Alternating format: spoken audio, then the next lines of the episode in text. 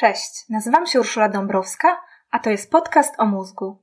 Miejsce, w którym dowiesz się, co tak naprawdę dzieje się w Twojej głowie i co robić, żeby Twój mózg działał dokładnie tak, jak chcesz. Jeśli nie zawsze, to przynajmniej częściej niż teraz.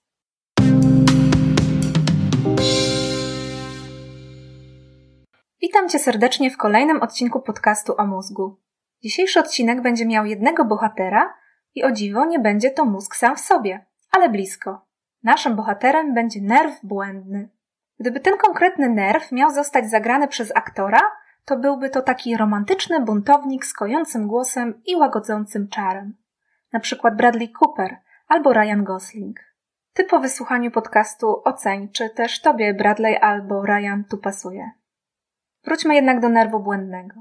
Jego działanie rozgrzewa umysły dzisiejszych naukowców bardziej niż topowi aktorzy serca nastolatek. Nerw ten odgrywa niezwykłą rolę w ciele człowieka, bo łączy umysł i ciało. Łączy to, co rozgrywa się w naszej głowie, z tym, co odczuwamy w brzuchu.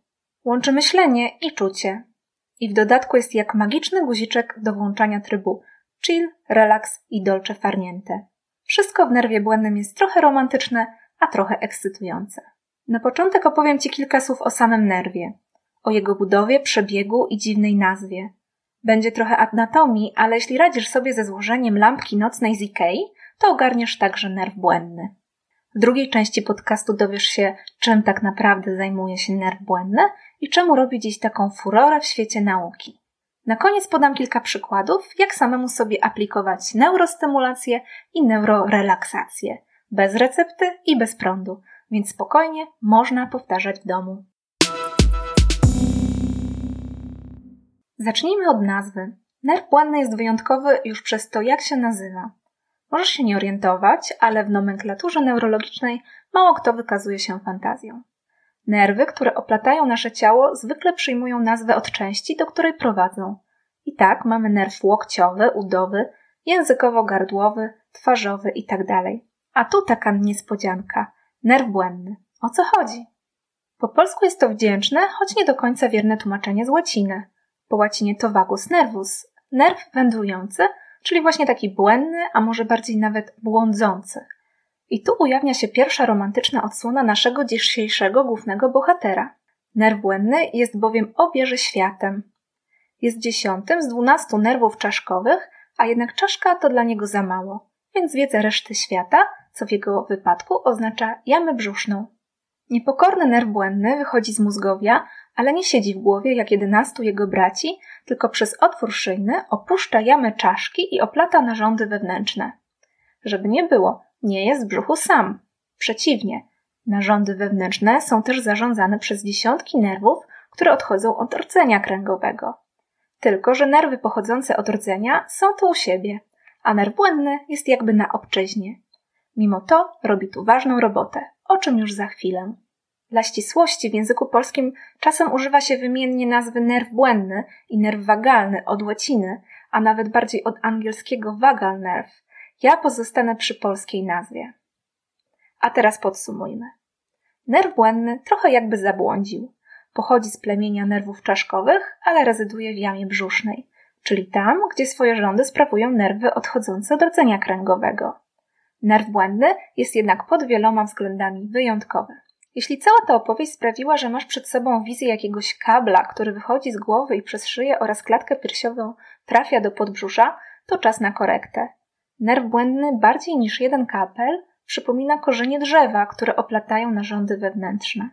W dodatku dwa korzenie, bo choć przyjęło się mówić nerw błędny, to w praktyce jest to para rozgałęzionych nerwów, po jednym na każdą z dwóch stron ciała, lewą i prawą, choć w brzuchu ten podział już nie jest taki jednoznaczny. Dopóki nerw błędny jest w głowie, odpowiada za czucie. W podniebieniu, gardle i krtani pełni rolę ruchową, czyli pozwala się mięśniom kurczyć i rozluźniać. Ale my skupimy się na tym, co nerw błędny robi w klatce piersiowej i jamie brzusznej. Zanim o tym opowiem, będzie mała wyliczanka. Zrobimy szybki przegląd narządów, do których dociera nerw błędny. Wizualizuj, a zobaczysz, jaki rozmach ma ten nerw. Różne jego odgałęzienia oplatają tchawicę, oskrzela, opłucną, splot aortalny, przełyk. Dalej nerw dociera do serca i osierdzia. Jeszcze niżej nerw błędny trafia do żołądka, wątroby, trzustki, śledziony, jelita cienkiego, początkowego odcinka jelita grubego oraz do nerek i nadnerczy. A teraz spójrz w dół, na swój mostek i okolice pępka. Wiesz właściwie, co tam w środku się teraz dzieje? Nie wiesz? A twój nerw błędny wie, na 100%. I w każdej sekundzie zdaje z tego raport twojemu mózgowi. I na tym etapie kończmy z anatomią. Całość można podsumować jednym zdaniem. Nerw błędny zabłądził z głowy do brzucha i tam działa. A co robi, opowiem w drugiej części podcastu. Zacznijmy od tego, że jest to wielopasmowa autostrada dla informacji, które płyną z mózgu do ciała i z ciała do mózgu. I tu kolejna niezwykła cecha nerwu błędnego. Aż 80-90% tego przekazu odbywa się w relacji dół-góra, a tylko 10-20% idzie z góry na dół. Dlatego spokojnie można powiedzieć, że nerw błędny jest nie tylko obieży światem, ale także emisariuszem na obczyźnie. Jest dla mózgu specjalnym kanałem zbierania informacji, co tam w terenie, czyli ciele, właściwie się dzieje. Większość z tych informacji w ogóle nie dociera do Twojej świadomości, no bo po co Ci wiedzieć, jakie masz napięcie w poszczególnych mięśniach jelita cienkiego? Nuda i szum informacyjny w najlepszym wypadku. Ale są i takie wrażenia z brzucha, które są dla człowieka bardzo interesujące. To głód, uczucie sytości i mdłości. Te na pewno zauważasz. Podziękuj za to nerwowi błędnemu. I teraz opowiem Ci dwie chyba najbardziej szalone rzeczy dzisiejszego podcastu. Otóż nerw błędny jest podejrzewany o działania, które brzmią trochę jak wymysł szalonego naukowca. Wiele wskazuje na to, że choć wydają się nieprawdopodobne, to są jednak prawdziwe. Pierwsza rzecz to intuicja, a przynajmniej jeden z jej aspektów. Naukowcy postulują, że to właśnie dzięki nerwowi błędnemu mamy czasem poczucie, że coś wiemy z brzucha. Nie dzięki racjonalnemu namysłowi, ale jakoś tak inaczej, wrażeniowo. W języku angielskim jest nawet bardzo pasujące wyrażenie. To gut feelings, uczucia strzewi. Czyli takie przeświadczenie, które rodzi się gdzieś pod mostkiem, a nie w głowie. Może nie doświadczasz tego zbyt często, albo po prostu inaczej to nazywasz. W każdym razie cielesne postrzeganie i myślenie w ciele to zjawiska coraz częściej badane przez naukowców. I wygląda na to, że nerw błędny ma w tym zjawisku bardzo duży, jeśli nie decydujący udział. Druga rzecz to bakterie. Mamy ich w jelitach miliony, miliardy albo jeszcze więcej. Tworzą swoje własne środowisko, a ich skład jest charakterystyczny dla każdego człowieka. Coraz więcej badań wykazuje ogromny związek między tym, jakie mamy bakterie w jelitach, a jaki mamy stan umysłu i samopoczucie. Równie ważne jest to, jaki stan zapalny w naszym brzuchu wywołują te bakterie i to, co jemy. O wszystkich tych sprawach uprzejmie donosi naszemu mózgowi nieco innego, tylko nerw błędny. A teraz wróćmy na Ziemię. Nerw błędny jest zaangażowany także w wiele całkiem prozaicznych procesów. Odgrywa rolę w odczuwaniu smaku i słyszeniu. Bierze udział w oddychaniu, przełykaniu, mówieniu, regulacji tętna, ciśnienia oraz krążenia i kontroluje procesy trawienne. Większość z tego to procesy, które dzieją się poza najmniejszą kontrolą z naszej strony. Dzieją się i już. Dopóki nic nie szwankuje, szkoda czasu na zbytnie poświęcanie im uwagi. Jeśli nie jesteś lekarzem czy naukowcem, takie informacje są mało praktyczne. A przecież nie chodzi mi o faszerowanie cię wiedzą. Więc teraz czas na to, co z punktu widzenia życia codziennego jest w nerwie błędnym najciekawsze. Mam na myśli jego niezwykłą zdolność do wprowadzania nas w zrelaksowany i spokojny stan. Gdyby nasz dzisiejszy bohater miał mieć jakiś pseudonim, to mógłby się nazywać Mr. Chill albo bardziej swojsko Pan Relaksik. Okazuje się bowiem, że nerw błędny jest jednym z głównych agentów układu przywspółczulnego. A układ przywspółczulny to ta część układu autonomicznego, która odpowiada za trawienie, spokojne czuwanie, odpoczynek. Wprowadza taki stan ciała i umysłu, kiedy leżymy w hamaku, dędamy nogami i żadna większa troska nie zaprząta naszej głowy. Układ przywspółczulny i jego brat bliźniak, układ współczulny, będą pojawiać się w moim podcaście na pewno jeszcze nie raz. To dlatego, że żyjemy w świecie, w którym ogromnie ważnym tematem jest stres. Mobilizacją zawiadamia właśnie układ współczulny. Poświęcę tej kwestii osobny odcinek albo nawet kilka. Na razie zostańmy przy rozróżnieniu tych dwóch układów współczulnego i przywspółczulnego. Dlatego teraz krótkie podsumowanie. Co z czym się łączy? Współczulny to stres, a przywspółczulny relaks. Współczulny to mobilizacja, a przywspółczulny to rozluźnienie. Współczulny to podwójne espresso albo energetyk, a przywspółczulny to ciepłe mleko z miodem albo napar z melisy. Współczulny to adrenalina i kortyzol, a przywspółczulny to uspokajające działanie nerwu błędnego. Współczulny to pedał gazu, a przywspółczulny to hamulec. Oba te systemy działają na naszą korzyść, ale jak się domyślasz, układ współczulny łapie w dzisiejszych czasach złą prasę. To nie jego wina, a raczej okoliczności, w których żyjemy. Układ współczulny wyewoluował, aby pomóc nam polować na zwierzęta, uciekać przed drapieżnikami i walczyć z przeciwnikiem. Takie stresy mieli nasi przodkowie i z takimi problemami musieli się mierzyć.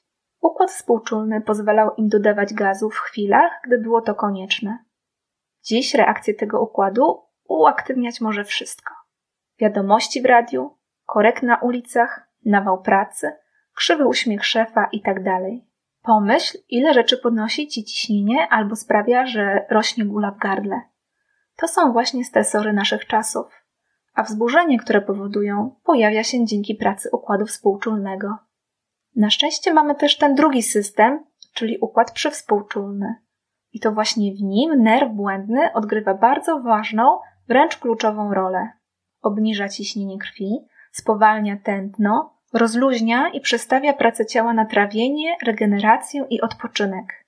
W konsekwencji przyczynia się do prawidłowej perystaltyki jelit, oddawania moczu, ale także doprowadza do stanu, w którym organizm jest gotowy, by się podniecić. Można spokojnie powiedzieć, że nerw błędny jest kluczowy dla życia seksualnego człowieka. I w tym momencie mogłabym dla wielu skończyć, ale pociągnijmy dalej. Następnej części opowiem, co robić, by nerw błędny robił tą swoją relaksującą magię wtedy, gdy tego potrzebujemy najbardziej w momentach stresu, niepokoju czy nadmiernego podekscytowania.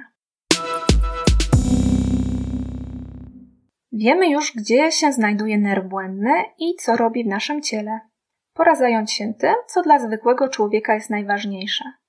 Chcę Ci powiedzieć, że możesz wpływać na pracę nerwu błędnego. Możesz przekonać go, by wypełnił Twoje ciało spokojem wtedy, kiedy tego potrzebujesz. Możesz wciskać hamulec, jeśli uznasz, że zbyt wiele spraw wciska gaz. Za chwilę powiem Ci, jak wpływać na nerw błędny, ale najpierw kilka sytuacji, kiedy to robić. Po pierwsze, przed wystąpieniem publicznym, które powoduje u Ciebie tremę. Po drugie, po dniu, gdy zbyt wiele się działo, nie możesz się wyciszyć, zrelaksować albo zasnąć. Po trzecie, gdy potrzebujesz pełnego skupienia i spokoju, a twoje ciało jest zbyt podekscytowane i rozbiegane. Na przykład, gdy chcesz rzucić do kosza za trzy punkty. Działanie, które potrzebujesz wykonać jest bardzo proste, ale wymaga odrobinę wysiłku woli. Na nerw błędny wpływa się najzwyklejszą rzeczą na świecie swoim własnym oddechem. Brzmi banalnie, bo słyszymy to od dziecka. Weź głęboki oddech, zanim coś powiesz. Albo pooddychaj i policz do dziesięciu, to ci przejdzie. No i coś w tym jest. Ale warto wiedzieć, że oddech oddechowi nierówny. Nerw błędny podsłuchuje to, jak oddychasz i na tej podstawie wyciąga wniosek o sytuacji, w jakiej się znajdujesz. Głębokie, spokojne oddechy mówią mu, jest ok, można chillować. Uruchamia wtedy całą swoją przywspółczulną władzę. Spowalnia puls, obniża ciśnienie, pobudza trawienie i ogólnie rzecz biorąc rozluźnia. Natomiast szybki, płytki oddech to informacja dla nerwu błędnego, że relaks trzeba odłożyć na potem.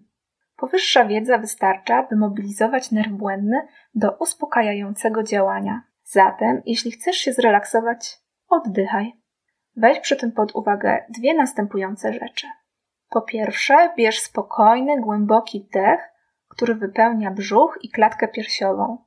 To ważne, by twój brzuch nadał się jak balonik albo bębenek.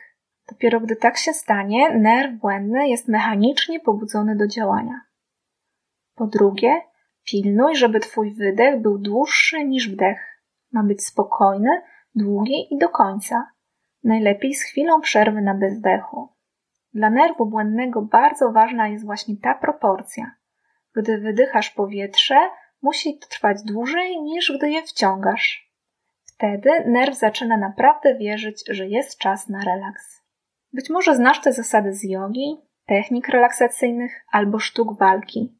Nic dziwnego, bo ludzie od wieków wiedzieli, że głębokie oddychanie pomaga w wyciszeniu i uspokojeniu umysłu oraz ciała. Teraz dzięki nauce wiemy po prostu lepiej, na czym polega ten mechanizm. A skoro już wiemy, to warto z tego korzystać. Teraz pora na disclaimer. Być może lęk towarzyszy Ci często, nie potrafisz sobie poradzić z codziennym stresem, masz skłonności depresyjne, lękowe albo nerwicowe. Jeśli tak, to bardzo Cię proszę, skontaktuj się ze specjalistą. Zadzwoń do lekarza rodzinnego, psychiatry, psychoterapeuty albo psychologa i powiedz, z czym się zmagasz. Cieszę się bardzo, że słuchasz tego podcastu, ale będę cieszyć się jeszcze bardziej, jeśli poszukasz profesjonalnej pomocy. A my wróćmy do nerwu błędnego. Głębokie, spokojne oddychanie może przestawić pracę Twojego ciała z trybu mobilizacji na tryb spokojnej pracy. Ale w praktyce nie na każdego ta metoda działa. Dlaczego? Otóż wydaje się, że nerw błędny potrafi być leniwy. W tym znaczeniu, że niezbyt ochoczo reaguje na sugestie, jakie dajemy mu głębokim oddychaniem. Naukowcy twierdzą, że po prostu jest niewytrenowany, trochę jak mięsień, którego nie używamy. I tak jak mięsień możemy wyćwiczyć nerw błędny, by działał sprawniej. Dokładnie tak, jak od niego oczekujemy. I tu z żalem muszę powiedzieć, że nie ma już żadnej finezji. Po prostu trening czyni mistrza, czyli systematyczność i powolny progres. Dokładnie tak jak na siłowni. Na szczęście można usprawnić działanie nerwu błędnego także w bardziej rozrywkowe sposoby. Bo umówmy się, głębokie oddychanie robi się nudne po jakichś trzech, czterech wydechach. Żeby nerw błędny załapał, że już czas na chill, musi niekiedy upłynąć dużo więcej czasu. Dlatego warto trenować responsywność nerwu innymi działaniami. Sprawdzi się każdy sport aerobowy, taki, który wymusza głębokie oddechy. To wystarcza, żeby nerw błędny się wzmacniał, choć samo w sobie nie prowadzi do wyciszenia, przynajmniej nie w czasie aktywności fizycznej. Regularny sport sprawia jednak, że pojemność płuc staje się większa, a nasze oddechy w czasie spoczynku są spokojniejsze i głębsze. I właśnie o to chodzi. Druga dobra dla nerwu błędnego aktywność to niespodzianka śpiewanie. Nie trzeba mieć dużej praktyki, żeby wiedzieć, że śpiewanie wymusza głębokie wdechy i spokojne, kontrolowane wypuszczanie powietrza razem z wyśpiewywaną frazą. Nerw błędny bardzo to lubi. Więc jeśli ponosi cię fantazja pod prysznicem albo gdy prowadzisz samochód, nie ograniczaj się. Czy śpiewasz smutne ballady, czy wesoły pop, twój nerw błędny się cieszy i wzmacnia. Na nerw błędny wpływają korzystnie także medytacja, morsowanie, zimne prysznice, masaże, a nawet dobre kontakty społeczne. To na dzisiaj prawie wszystko. Jeśli znasz nerw błędny z innych źródeł, to na pewno wiesz, że jest jeszcze wiele do powiedzenia na jego temat. Kiedyś pewnie do tego wrócę. Ale jeśli to dla ciebie całkiem nowy bohater, to myślę, że wystarczy informacji na pierwszy raz. Wiesz już, gdzie nerw się znajduje, co robi i jak możesz łatwo na niego wpływać. Na zakończenie mam jeszcze dwie ciekawostki. Po pierwsze, nerw błędny czasem robi fikołka. Gdy zostanie w pewien konkretny sposób silnie pobudzony, człowiek traci przytomność. Takie omdlenie zdarza się na widok krwi lub w czasie jej pobierania. Może ci się też przytrafić, gdy coś cię przestraszy albo gdy zbyt długo stoisz. Do mózgu za sprawą działania nerwu błędnego trafia za mało krwi, więc odpływasz. Druga ciekawostka pochodzi ze świata na styku technologii i medycyny. Istnieją specjalne urządzenia, które wszczepia się ludziom do ciała, aby pobudzały nerw błędny. Trochę jak rozrusznik serca. Z tej metody korzysta się w leczeniu epilepsji i lekoodpornej depresji. I co najlepsze, ta metoda działa. Nerw błędny to naprawdę niezwykła część naszego ciała. Mam nadzieję, że Cię przekonałam. Ja teraz zamierzam kilka razy głęboko odetchnąć i iść pośpiewać sobie w wannie. Co i Tobie na do widzenia serdecznie polecam.